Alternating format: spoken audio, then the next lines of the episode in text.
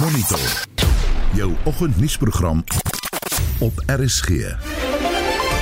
En vanoggend se program 6 word 7. Die ANC se nuwe leiers en sy konferensie word in diepte ontleed. History has been made today. It's the first time ever in history that we have an office that is uh, headed by a woman, but we also have, uh, for the first time, three women in the leadership of officials. Swart bemagtigingsregulasies vir staatsinstellings verander weer. En ons kyk na die impak wat die gereelde reën by die seisoen op druiweoeste het. Dis monitor vanoggend onder redaksie van uh, Justin Kennerly en Johan Pieterse en ek is Udo Karlse.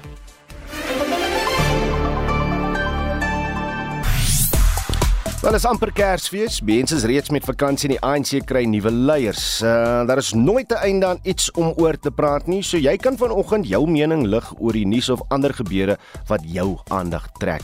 Ek kyk nou net op die Facebook bladsy vir uh se Monitor en Spectrum en Joey Skooman sê die beste materiaal in die ANC is ou korruptus en ou materiaal wat nou wat gaan doen? Dis die vraag wat sy vanoggend vra. 'n uh, Vra. Uh, uh, lig jou mening deur die SMS te stuur na 4588910 R50 per boodskap. Jy kan ook saampraat op die Monitor en Spectrum Facebookblad.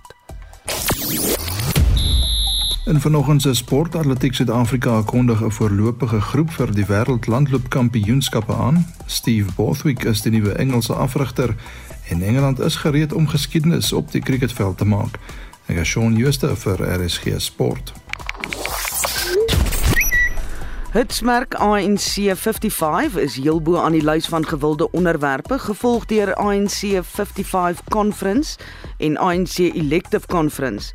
Hitsmerk Argentina versus France het na nommer 4 van gewilde gonswoorde teruggesak. Ander gewilde gonswoorde vanoggend is FIFA World Cup, Messi, Cyril Ankole, Paul Mashatile en Zweli.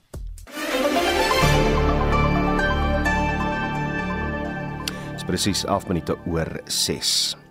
Die ANC se 55ste nasionale konferensie loop vandag ten einde. Cyril Ramaphosa is vir nog 'n termyn as president van die ANC verkies. Die ANC se nuutverkose adjunkpresident is Paul Mashatile. Ons verslaggewer, Saie van der Walt, hou ons deurlopend op hoogte van gebeure by Nasrek en sy sluit nou by ons aan. Sy goeiemôre. Goeiemôre.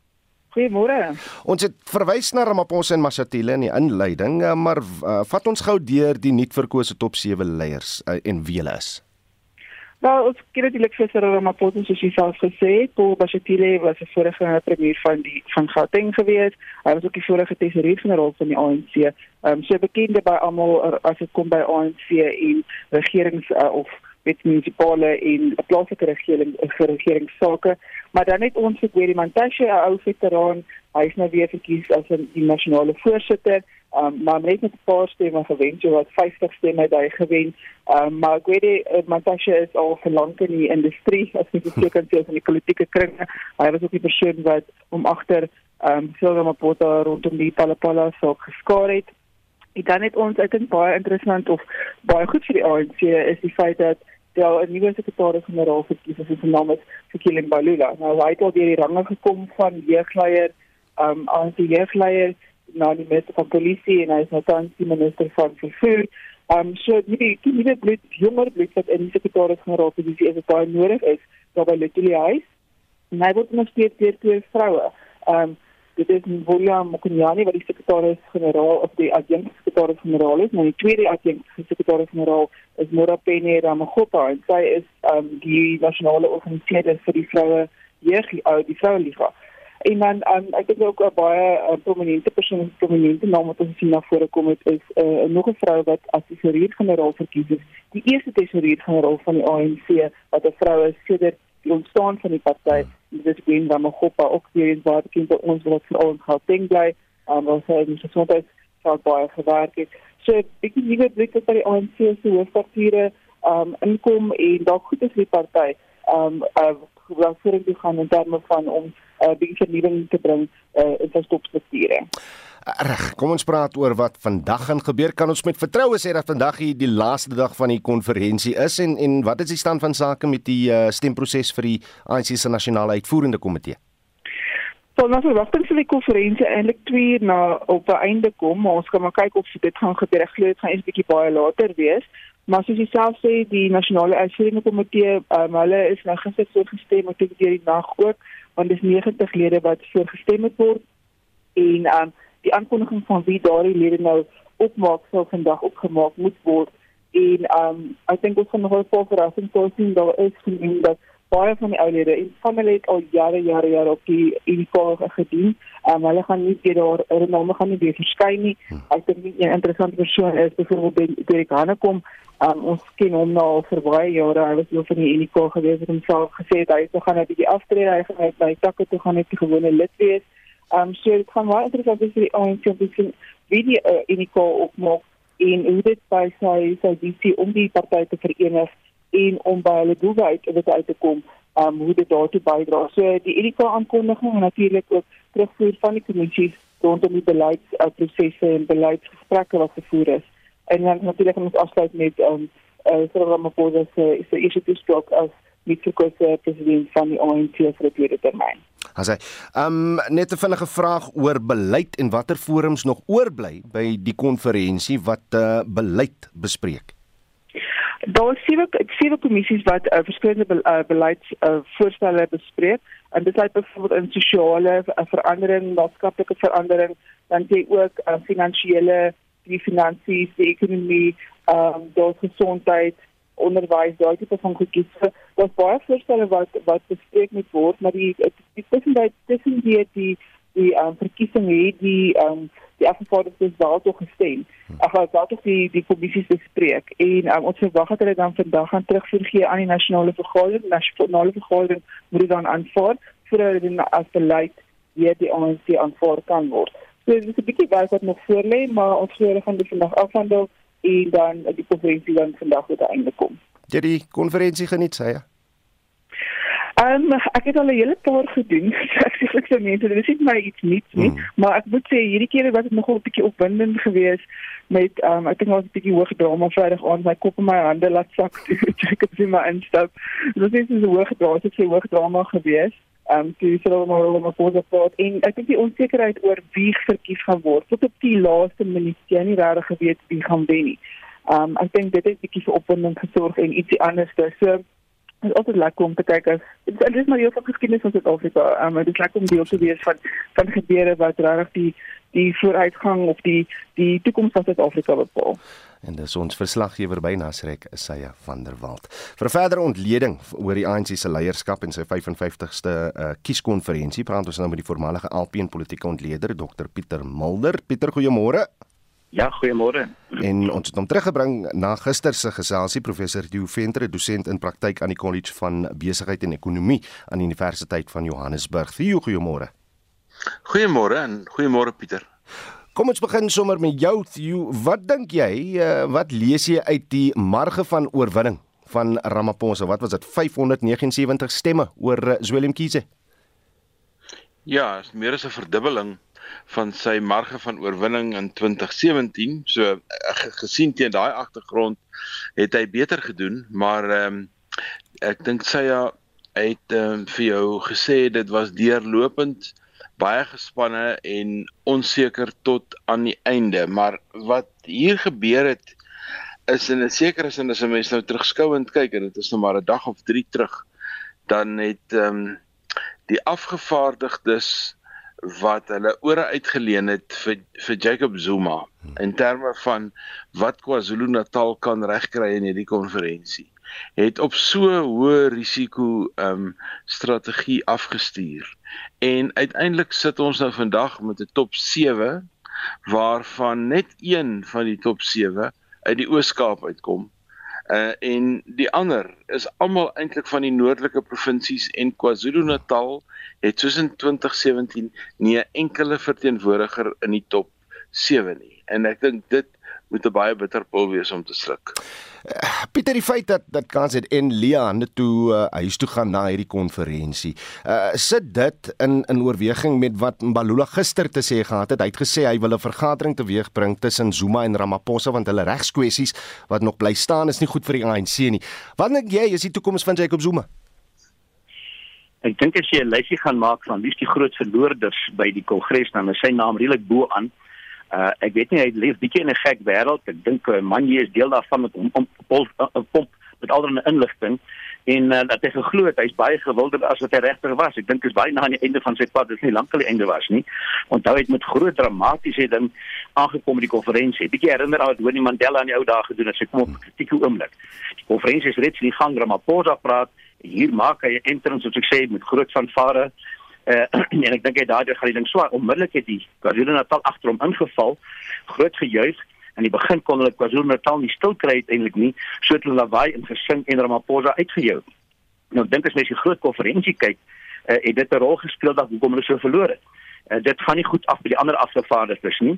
Hulle sit en kyk daarna, dis swak gedissipline en smeet van die leierskant af en hulle het nou sukses. Jy is reg, twee mense benoem, 'n Mkhize en 'n Tuli wat nie een dit gemaak het na geen kant toe nie. Hmm. En ek dink diep onderliggend is amper iets van 'n arrogansie wat KwaZulu-Natal oordra Uh, ek is bang om na die etnisiteit te verwys waar die hele kombinasie daar is en ek al die korruptes was half aan sy kant die wat in sonder se moeilikheid was en dan is dit al 'n gegriefde KwaZulu-Natal juis omdat hulle die gerede uitgesny is en uh, uh, oorgereageer het. Ek dink hulle het vol vertroue geglo hulle gaan die ding doen en ek dink hierdie arrogansie het hulle prys laat betaal. Dit het gesê man, ons is stil stemmig, maar ons sal julle uitstem en dis wat gebeur het uiteindelik of hulle lesleer daai weet ek nie. Hulle het aan die einde vreeslik nou oor inkomste aangegaan, Gauteng aan hulle kant gekry.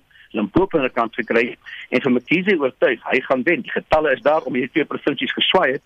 Dit verskrywend bewys dit die leiers mag geswaai het, maar die takke het gebly by hulle mandaat uiteindelik en Mkhize is waarskynlik die tweede groot verloder, soos ons kan nog 'n lang lys van verloders maak wat geglo het hy gaan wen en dit nie gemaak het nie en ek dink die KwaZulu-Natal se manier, sy styl het 'n rol gespeel uiteindelik as ongedissiplineerd, arrogant en probeer ons self op afdwing want ons is die grootste provinsie, 8900 afgevaardigdes. Hmm. Ons kan ons stempel afdruk en die res het gesê ons laat ons nie so intimideer nie. Toe Fikile Mbalula as die sekretaris-generaal. Mens moet toegee, is bewyse van 'n verneynige politikus. Het, het jy dit verwag? Nee, ek het dit nie verwag nie.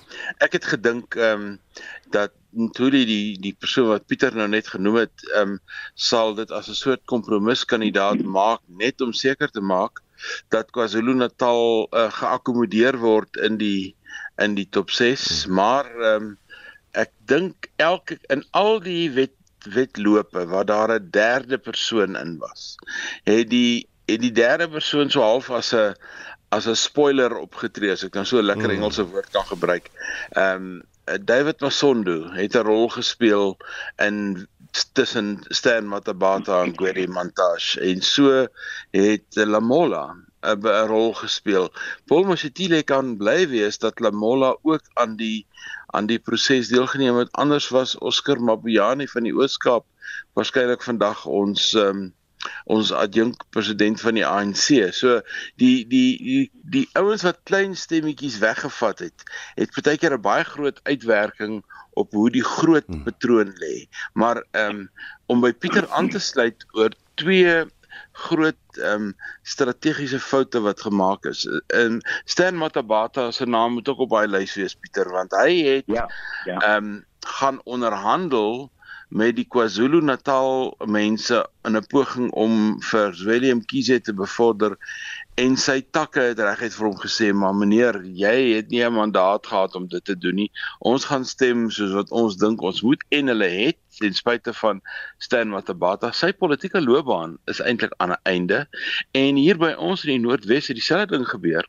Die voorsitter van die ANC hier by ons Nino Meloy het dieselfde boodskap aan sy takke gegee en sy takke het hom geïgnoreer en steeds um, Ramaphosa gaan stem wat ek dink dit vir uh, meneer Meloy hy's wel 'n lid van die uitvoerende komitee maar ek dink sy drome om premier te word is met 'n paar maande indien nie 'n jaar of twee nie uitgestel oor hierdie soort optredes. So baie van hierdie goed wat ons nou voor ons gesien het, het beslis politieke konsekwensies. Is en, en as jy nou na 'n veglustige Fikile en Balula luister. Mm, mm. En ek dink ek het dit gister gesê en ek wil dit herhaal dat sy verkiesing is 'n bedekte seën vir die land want nou is hy nie meer in die kabinet nie. um, Pieter, en, en dit is 'n belangrike bate. Ek is seker jy wil miskien by daai uh, idee aansluit, maar ek wil ook vra toe Balula gister so sterk uitgevaar het teen ANC lede uh wat in die openbaar uitpraat oor die ANC en topleiers direk aanvat. Was dit 'n slim ding om te doen want want wat hy wat hy amper doen is hy haal nou die teken van Cyril Ramaphosa se rug af en sit dit hier op sy eie rug. Ja, wel kom ek sê die interessante was as mens gekyk het selfs Gwedi van Tash wat amper ek wil nie wil sê boelie nie. Hy is al die straatvegter van die verhoog af en het hom geboe 'n paar keer wat gemaak het dat ons begin dink dat hy nie 'n kat se kans nie, maar dit is tog of die gehoor sê jong, maar hier's 'n man wat sterk staan en hy's nie bang om ons aan te vat nie. En maar Belula gaan nou 'n bietjie dissipline ingryp hierso. Hier gaan iemand inkom en dinge maak werk, jy sien. En dit kan nie wees dat dit tog die gemiddelde ouer daar sit beïndruk in plek daarvan dat jy weerstand uitlok. Maar ek wil net natuurlik absoluut reg met met Stanley Matobate wat vir my wat nie skrikwekkend was nie, is die maklike manier waarop die manne verander het. Met andere by die vorige konferensie 2017 was vir my redelik duidelik die faksies. Dit was nou duidelik die RET, die Radical Economic Transformation groepering met die premier Liga daardie tyd wat aan een kant staan met baie sterk standpunte grondonteiening, reservebank en dan die ander kant dat nou al Ramaphosa was, ek weet nie hoe om dit te beskryf maar kom ons sê uh ANC gewys gematig en pragmaties en ek het nie dieselfde ervaring van die huidige faksies gehad het en ek wat so duidelik is nie. McKinsey is nie regtig 'n RET man gewees wat nou betref homself maar Shatile is maar louer die goed gewees. Hmm. So dit in 'n groot mate om persone gegaan. En dan kom ons wat jy absoluut korrek is bestaan nie Matabata. Hy was die eerste provinsie Limpopo wat gesê het ons is my my, my um, Ramaphosa ons ondersteun hom met ander ons stem met hom al saam. En hier kom hy net voor die stemmer en sê nee, nou steun ek vir McKinsey uiteindelik en ek kan geen beleidsverskille of enige argument kry nie behalwe hulle sal my voorsitter maak in die Natal kas Kwazital en daarom verander ek van standpunt en dieselfde moet Gauteng so dit gaan baie meer om mense om persone as wat oor die groter beleid gaan of oor die ANC selfs gaan af oor Suid-Afrika gaan. Dit gaan of ek dit gaan wen of nie en hy lees hy's nou in die regte stroom en ek dink hulle hoop hulle kan dieselfde doen wat gebeur het die vorige ronde toe Planga van Rad verander het en toe die takke gekom het dis wat jy ook reg is om te sê ons het 'n ander mandaat ons stem soos ons stem, jy kan nie die hele Limpopo bytel hier en die hele Gauteng skielik bytel wat die mense aan kiesers se kant gedoen het nie. En daarom is dit uitslag tog 'n verrassing vir baie mense as jy kyk dat die Ramaphosa mense dwars deur loyaal net nie gebly by die mandaat wat hulle takke vir hulle gegee het ja. Kom ons kyk of julle oor alles ooreenstem uit hierdie konferensie uit toe. Ehm um, die top 7 Die uitslag daarvan is dit in die belang van eenheid en vernuwing binne die ANC en wat is jou verwagting van die nasionale uitvoerende komitee wat vandag ook bekend gemaak sal word? Ja, die nasionale uitvoerende komitee is gewoonlik 'n soort van 'n uh uh 'n beauty contest. Met ander woorde, daar's 200 mense en nou moet daar 80 mense gekies word. Dit is 'n verskriklike groot groep vir enige mens om te weet wie jy moet stem. Dis hoekom uh tak afgevaardigdes um met met lysies rondloop om te weet vir wie moet hulle stem en wie nie. Nou die belangrikheid van die um NIK se stemmery.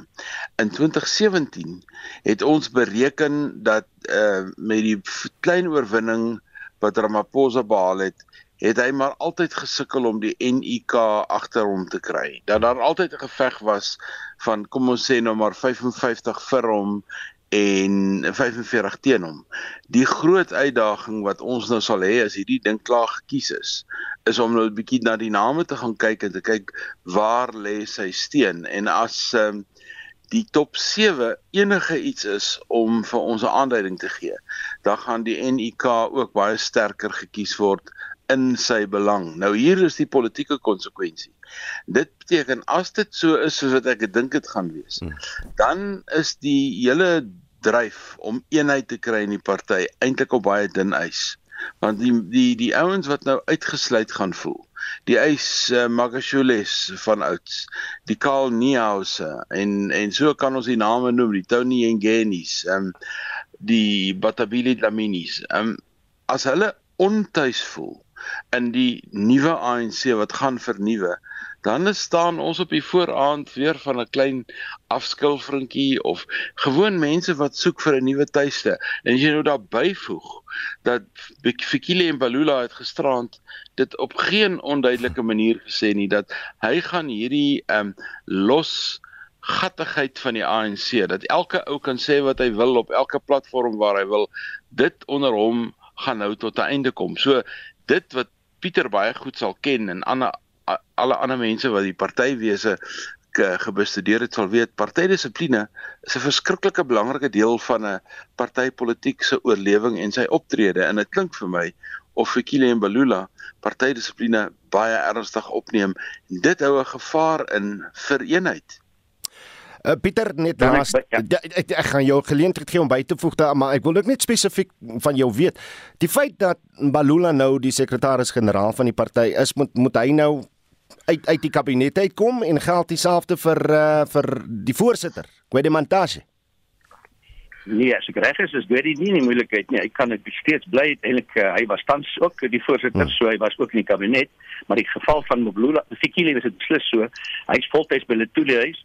Hy's weg uit die kabinet en ek het nou nog gelag gehoor en ek is verlig daaroor. Ek het hom aan aksie gesien meer as een keer.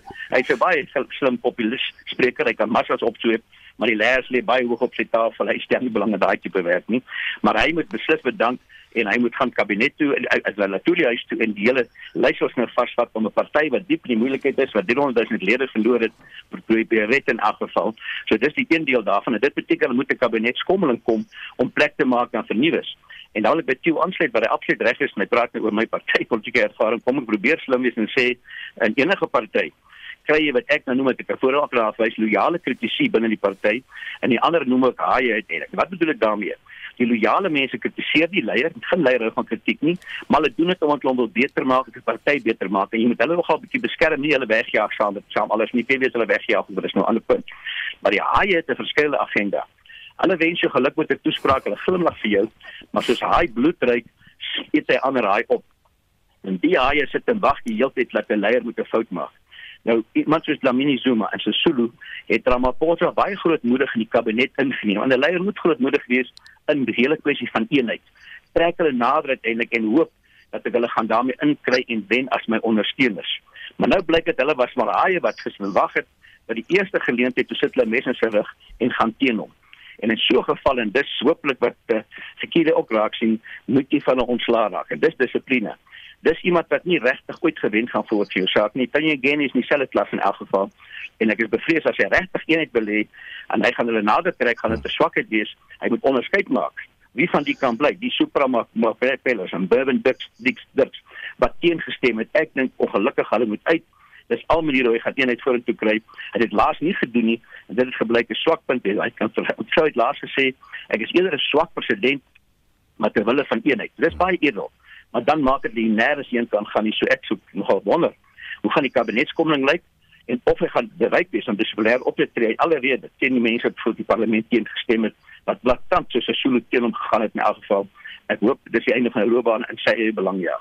En dit dan die voormalige LP en politieke ontleder Dr Pieter Mulder en professor Theo Venter 'n dosent in praktyk aan die College van Besigheid en Ekonomie aan die Universiteit uh, Johannesburg Die ANC sê intussen hy wil die regulatoriese omgewing vir klein sake ondernemings verbeter.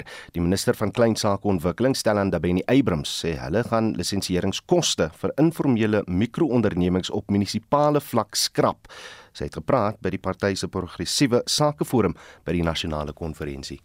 Most of our informal traders are complaining that municipalities charge them ridiculous amount. As a result, they are not able to trade legally and therefore are missing out on certain opportunities that they can enjoy and also exclude some of the people that want to get into the space. And we believe that there's a need to put a cap. En daar Benny Abrams sê hulle wil klein sake ondernemings beter toegang gee tot finansieringsoplossings. Sy sê elke keer as hulle adverteer, word aansoeke met onvolledige inligting ingedien. Gevolglik word die aansoeke afgekeur. Find that people are rejected or declined when they submit their proposals and they don't understand why. Of course, our department and others also have not played a critical role of ensuring that we really enhance our business development support so that if we develop a product that must intervene towards the SMME challenges, it's a product that is responsive to what exists. Die minister sê die regering moet die insolventiewet wysig om tweede kansgeleenthede te bied vir die meeste klein ondernemings wat nie deur die maatskappywet gedek word nie. Het die verslag deur Amina Akram en ek is Justin Kennedy vir SI Garnis. Ons bly by die storie en praat nou met die ekonom Ulrich Huber. Ulrich, goeiemôre. Môre Oudo.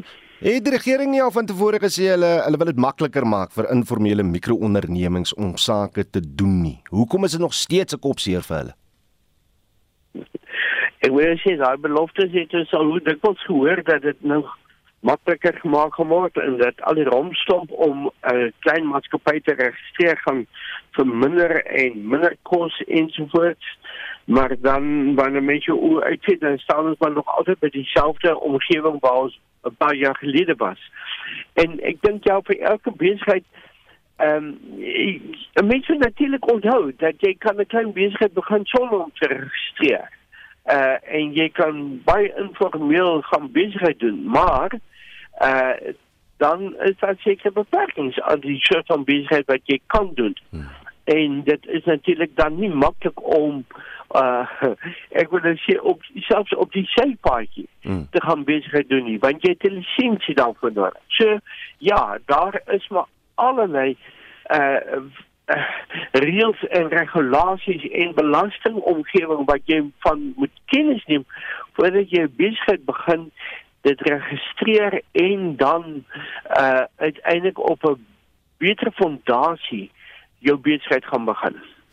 Die sakeklimaat verskil van munisipaliteit tot munisipaliteit. Dis die skrapping van lisensieringskoste, miskien 'n poging om meer besigheid na byvoorbeeld landelike gebiede of afgeleë plekke in die platteland te lok of hoe. Dit sou wees, want uh, ek het nog altyd gesê, jy weet, uh hoekom sal ek nou 'n sê nou maar 'n bloem of gaan besigheid doen as dit my goedkoper is om 'n Wolmrandstad te gaan besigheid doen. Of hoekom sal ek in Johannesburg besigheid doen as ek dit dalk makliker in Pretoria kan doen? So as mense na hierdie omgewing kyk, dan speel 'n plaaslike owerheid beslis 'n rol om te sê maar ek skep 'n omgewing waarin dit makliker en ook minder kos om met die besigheid te begin en met die besigheid aan te gaan. So uh, ek dink regtig ja, dit kan 'n groot rol speel. Maar dan natuurlik as jy uh, oor die uh, oor die uh, hoepel kom om nou 'n besigheid te begin, dan moet jy natuurlik gaan kyk wat is jou mark in die verskillende plekke.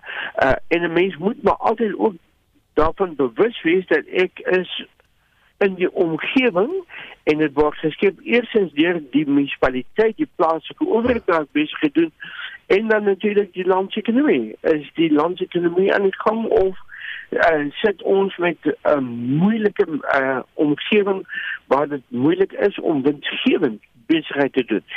En die ander ding wat ons natuurlik altyd moet onthou is dat as wanneer ons 'n besigheid begin, maak nou nie saak waar nie, en hoe maklik of hoe moeilik dit is, dan is daar nog seker goed. Eerstens wat ek genoem het, die belasting omgewing waarin ek moet werk. Uh, ek moet registreer met SARS as dit nodig is en as ek nou 'n klein besigheid is wat nou 'n sekere bedrag uh omset het of uh, dan hoef ek nie te registreer nie.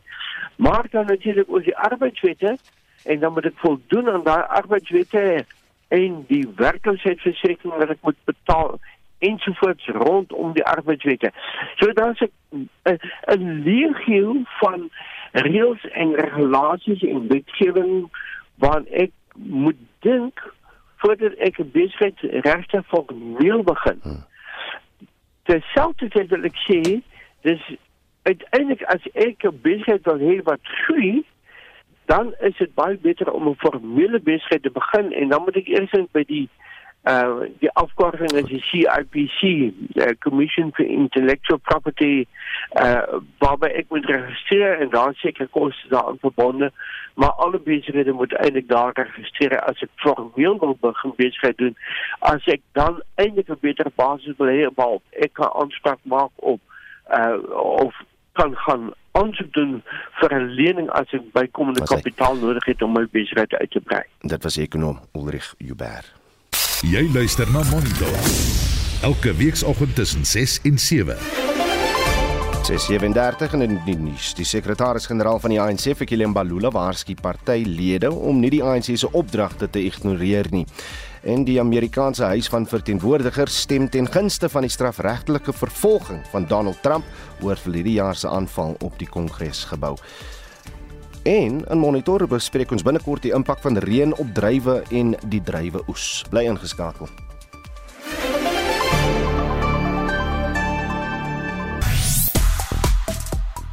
Reg, uh, ons vra vanoggend wat op jou hart is. Dit is so maklik soos dit. Baie mense wil graag oor die nuwe nuwerige ANC leierskap praat en jy kan ook jou mening deel. Jerome Weingart sê ek sit en kramp my kop en vra myself en hoe nou gemaak? 'n President met soveel bedrog agter sy naam en hy word weer gekies as president. Dis die laaste dae mense sê Jerome.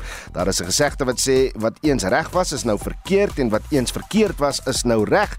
So nou weet ek nie meer nie. Antoinette Kotse Engelbrecht sê hond byt hond weet nie waar waarheen ons op pad is nie. En Marian Durker sê die mense kla om dat uh, Ramaphosa weer gekies is maar hulle sê nie wie anders kan verkies word nie. Hy is omtrent die beste van die lot. Hy moet nou nie uh, net nie sê die uh, DA Vryheidsfront nie ek glo nie hulle sal ooit aan bewind kom in Suid-Afrika nie. Dis na Antoinette Kotse, uh Engelbrecht en Marian Durker se menings. Daar as jy jou mening wil lig, stuur 'n SMS na 45889 R1.50 per boodskap. Jy kan ook lekker saam praat op die Monitor en Spectrum Facebookblad. Shaun Jooste sluit nou by ons aan vir die jongste sportnuus môre Shaun. Goeiemôre Oudo. Ek sien Atletiek Suid-Afrika het alreeds 'n voorlopige span vir die wêreld atletiek landloopkampioenskappe aangekondig. Ja, die uh, 27 name is gister bevestig en die atlete sal aan 5 items deelneem. Nou van die groot name in die groep is Precious Mashele en Elroy geland onder die mans en dan Kessa Molotsane en Caster Semenya onder die vroue atlete en dan het Atletiek Suid-Afrika ook gesê dat atletiek atlete wat in Suid-Afrika gebaseer is tyd tot einde Januarie het om hulle fiksheid en gereedheid te bewys voor die volledige span bevestig word en die kampioenskappe vind dan op 18 Februarie in Bathurst in Australië plaas. In die Heineken Kampioenbeker het spanne net 4 wedstryde om vir die uitklopfase te kwalifiseer. Hoe vaar ons Suid-Afrikaanse spanne? In groep A is die Sharks 4de op 9 en die Bulls 7de op 5 punte. Dan in groep B die Stormers 5de op 5 punte in die top 8 uit elke groep dring deur na die uitklopfase. Dan in die Europese uitdagbeker is die Lions en Cheetahs 2de en 5de op 8 en 5 punte onderskeidelik. En die kampioene en uitdagbekers word nou in Januarie hervat en die fokus verskuif nou na die Verenigde Rugby Kampioenskap. As hy weet by uh, Eddie Jones oorgevat aan in Engeland. Steve Bothwick, die voormalige Engelse kaptein, is gister op 'n 5-jaar kontrak aangestel. Nou sy uh, eerste toets as afrigter is minder as 7 weke weg. Dit is op die 4de Februarie in die Ses Nasies reeks teen Skotland. En dan sy assistent by Leicester Tigers, Kevin Sinfield, is ook nou sy assistent by die nasionale span. Richard Wigglesworth is die tussentydse afrigter by die Leicester Tigers. En jy het vroeër iets genoem van Engeland wat geskiedenis op die cricketveld wil maak.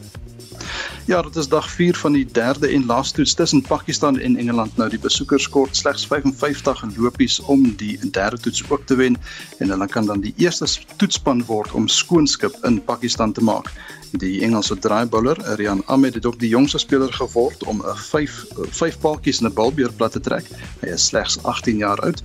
En dan herinner ek ook net graag dat die tweede van 3 toetse tussen Australië en Suid-Afrika eerskomende Maandag, dit is die 26ste Desember in Melbourne begin en die Aussies loop 1-0 voor na oorwinning van 6 paaltjies in daai effense kort eerste toets. En dit was Shaun Jooste met ons sportnuus vanoggend. Die minister van Finansies Enoch Godongwana het in sy mediumtermyn begrotingsrede aangekondig dat swart bemagtigingsregulasies verander is. Staatsinstellings hoef nie meer slegs maatskappye vir tenders te oorweeg wat voldoen aan swart bemagtigingsteikens en vereistes nie. 'n Nuwe konsep beleid is egter deur die tesourier gepubliseer wat swart ekonomiese bemagtiging weer verplig vir staatsentiteite. Ons praat met die regsverteenwoordiger van Sake Liga, Tian Albert Steen. Goeiemôre. Goeiemôre Oudo. Skets net weer kortliks die agtergrond van uh, die swart ekonomiese bemagtiging wetgewing hoe de, en hoe dit aanvanklik verander is. Uh Oudo, uh kortliks het artikel 2 en 7 van die grondwet reguleer alle forme van staatsverkryging. Ehm um, dit moet alle forme van verkryging moet voldoen voldoen aan uh, kernbeginsels soos mededingendheid, kostedoeltreffendheid en deursigtigheid. Maar dan is daar uh, in 'n netedop ook 'n diskresie wat vir staatsorgane gegee word om te besluit of hulle sogenaamde voorkeurverkryging wil doen uh, om diegene wat voorheen deur diskriminasie benadeel is te bevorder. Uh, nou in die vroeë 2000s is wetgewing gemaak uh, om basies effek te gee daaraan die, die triple PFA.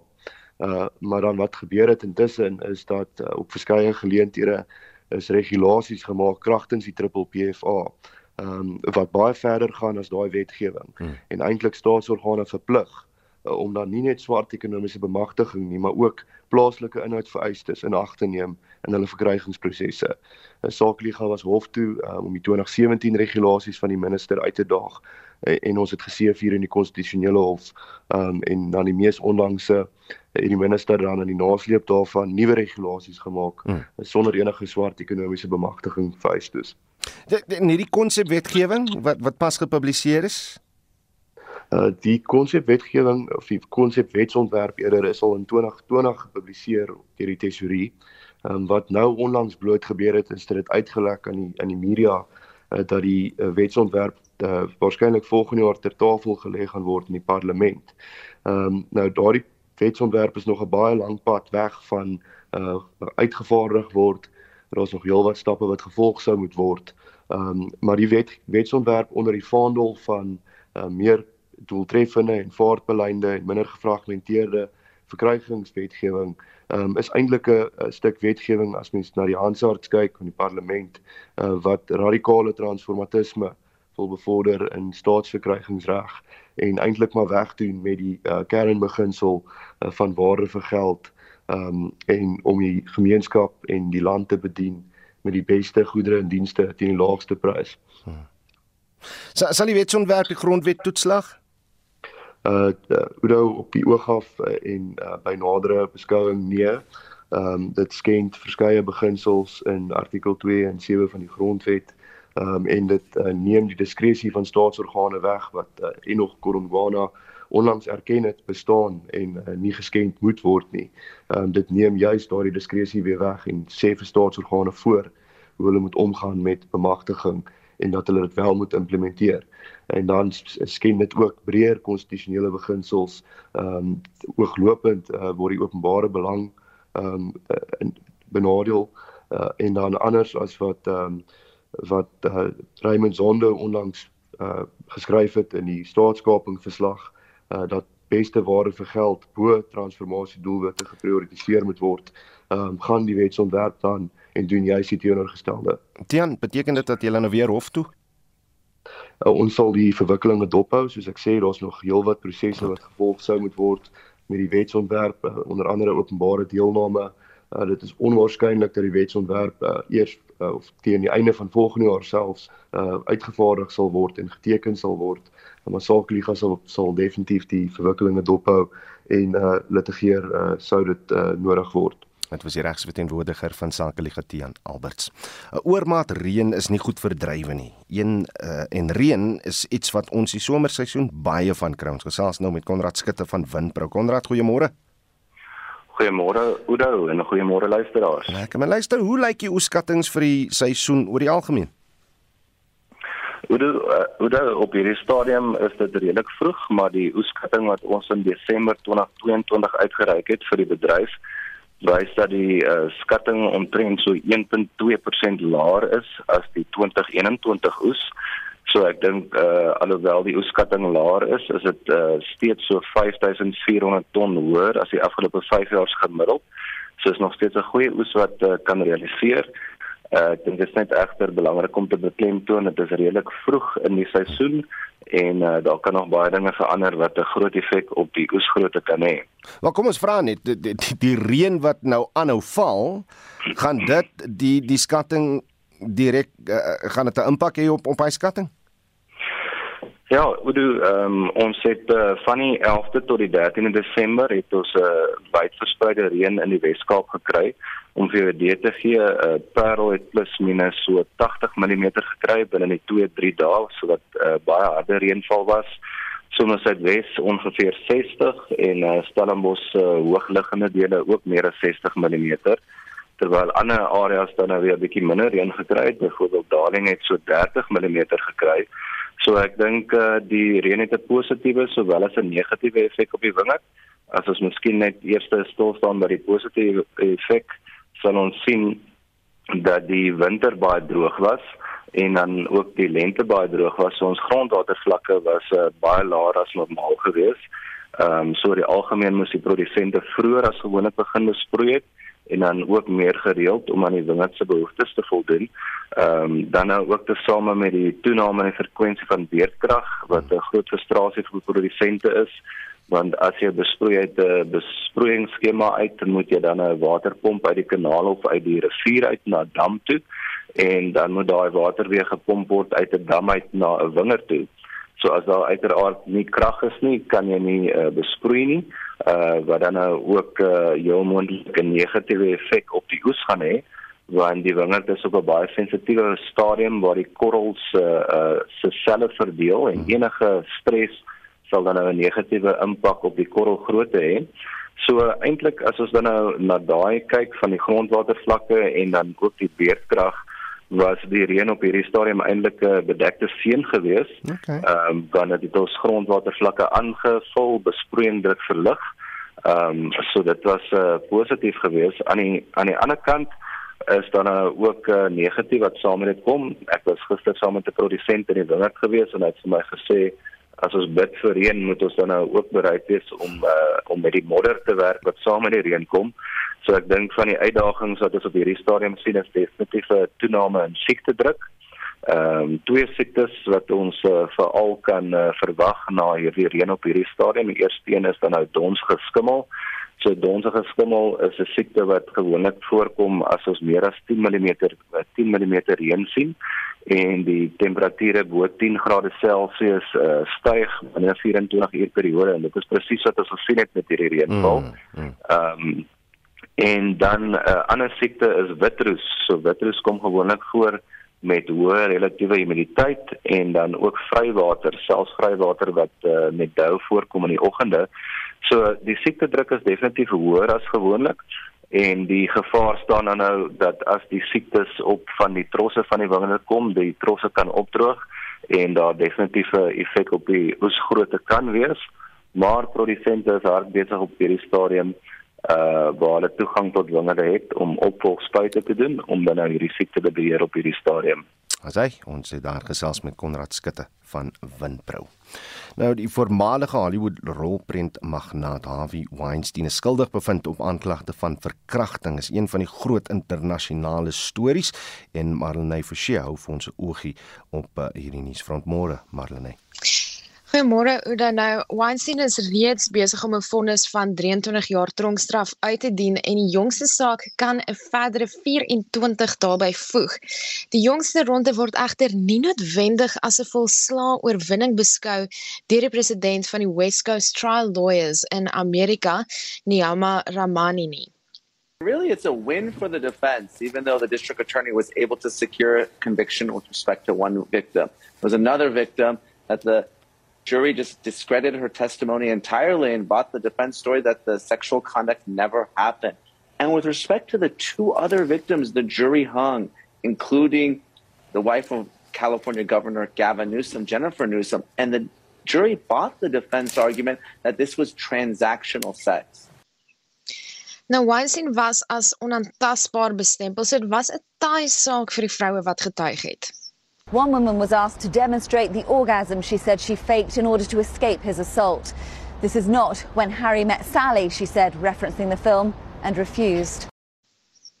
En baie van die mees invloedryke mense in Hollywood het hom as 'n god beskou en hom actually gevrees. Nou hier's een van die slagoffers se prokureurs, Gloria Allred. I have a great deal of admiration and respect for anyone who is willing to testify. In a high profile case or any criminal case. I know women who've spoken to the press who absolutely refuse to testify. They just are not willing to go through what they know will be in a way a meat grinder. Nou hy gaan in elk geval sy lewe in die tronk spandeer. So hoekom is die uitspraak so belangrik? Een van die klaars is Rosanna Arquette. Men, you know, say they're crazy, they're lying. When is this going to end? And we're going to keep coming more and more. The more you do it, the more we're going to speak out. It's not going to stop. So stop doing it.